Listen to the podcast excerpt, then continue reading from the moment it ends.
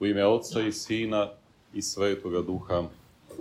Danas prostavljamo dvojedan praznik. Praznik Vaskrsenja četvorodnevnog Lazara i praznik ulaska gospoda Isusa Hrista u Jerusalim. I oni koji su juče bili svečari i slavili, prostavljali su i ovaj današnji praznik, a oni koji danas slave, i sva crkva koja slavi praznik svečanog ulaska gospoda Isusa Hrista u Jerusalim, nazvan i cvet i slave i praznik Vaskrsenja četvorodnevnog Lazara. Jer upravo razlog zašto svet dočekuje Hrista u toj čudnoj i svečanoj povorci, oduševljenoj povorci, možemo reći, i jeste vaskrsenje Lazarevo, vaskrsenje čoveka koji je četiri dana bio u grobu.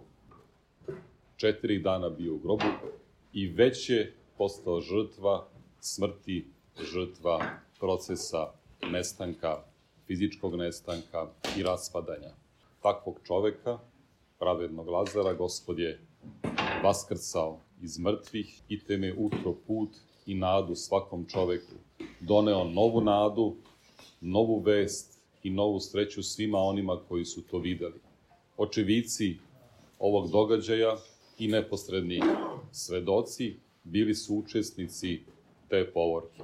U čelu povorke je Hristos, car slave, koji sedi na mladunču Magarice i smireno ulazi u grad u kome će upravo on biti ta žrtva. U gradu kome se otvaraju dveri, onako kako se otvaraju u carskim vojskama. Ali ti carevi obično jašu rasne konje.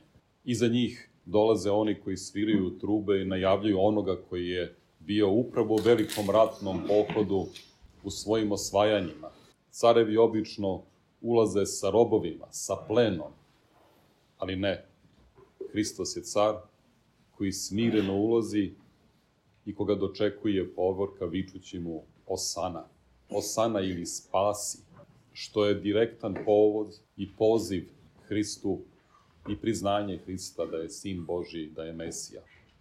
Taj usklik uznemirio je prvosveštenike i sve one koji su svih tih godina pokušavali da Hrista uhapse i da ga nepravedno optuže. Taj usklik uznemirio je sve njih i oni su posumnjali u sebe, u svoju budućnost, uplašili su se za svoj položaj i za svoj materijalni status. To je bio razlog zašto će Hrista konačno osuditi na smrt. Razlog zato što on jeste sin Božiji. I zato, draga braće i sestre, Hristos ulazi smireno. Božansko smirenje je njegova pobeda. Hristos je mogao sa sobom da povede nebrojeno mnoštvo anđela, veliku vojsku koju se niko ne može odupreti u ovom svetu. Mogao je svojim rečima da promeni sve što je želeo. Mogao je svojim rečima da učini da grad čitav nestane ili da nastane. Jer on je ta reč koja je ovaploćena. On je ta reč kroz koju je svet stvoren. Ali ne, Hristos ulazi sa božanskim smirenjem, još uvek tužan, suočen sa poslednjim neprijateljem čoveka, sa smrćom, onako kako je zaplakao pred grobom pravednog Lazara, još uvek pod tim utiskom, ali sada sveta koji ga sa radošću dočekuje, znajući da će taj svet, taj isti svet, uskoro govoriti rastni ga, rastni.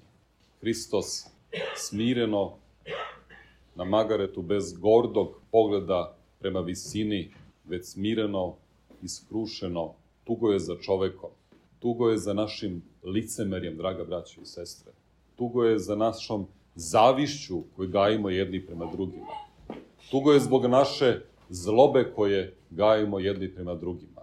Zbog toga Hristos smireno i u tišini ulazi u Jerusalim. Danas preispitujemo sebe, draga braćo i sestre. Razmišljamo, sozercavamo ovaj čudesni praznik, gde Sin Boži dobrovoljno, polako polazi na stradanje i na krsnu smrt. Nas radi, ovog sveta radi, ove tvorevine radi, Sin Boži odlazi na stradanje kao potpuno nevino jagnje. On je naša nada i uteha, draga braća i sestre. On je naša inspiracija. On je naša radost. On je naša budućnost. Kroz njega i samo kroz njega, kroz tajne crkve koje nam je ostavio. Svojom pedesetnicom Gospod nam ostavlja zapravo crkvu kao telo Hristovog, kroz koju se rađamo, krštavamo, živimo, kroz čije tajne uživamo blagodat Božju ovde za vreme ovog našeg privremenog života, ne bili tim tajnama dosegli i nebesku večnost. Amin.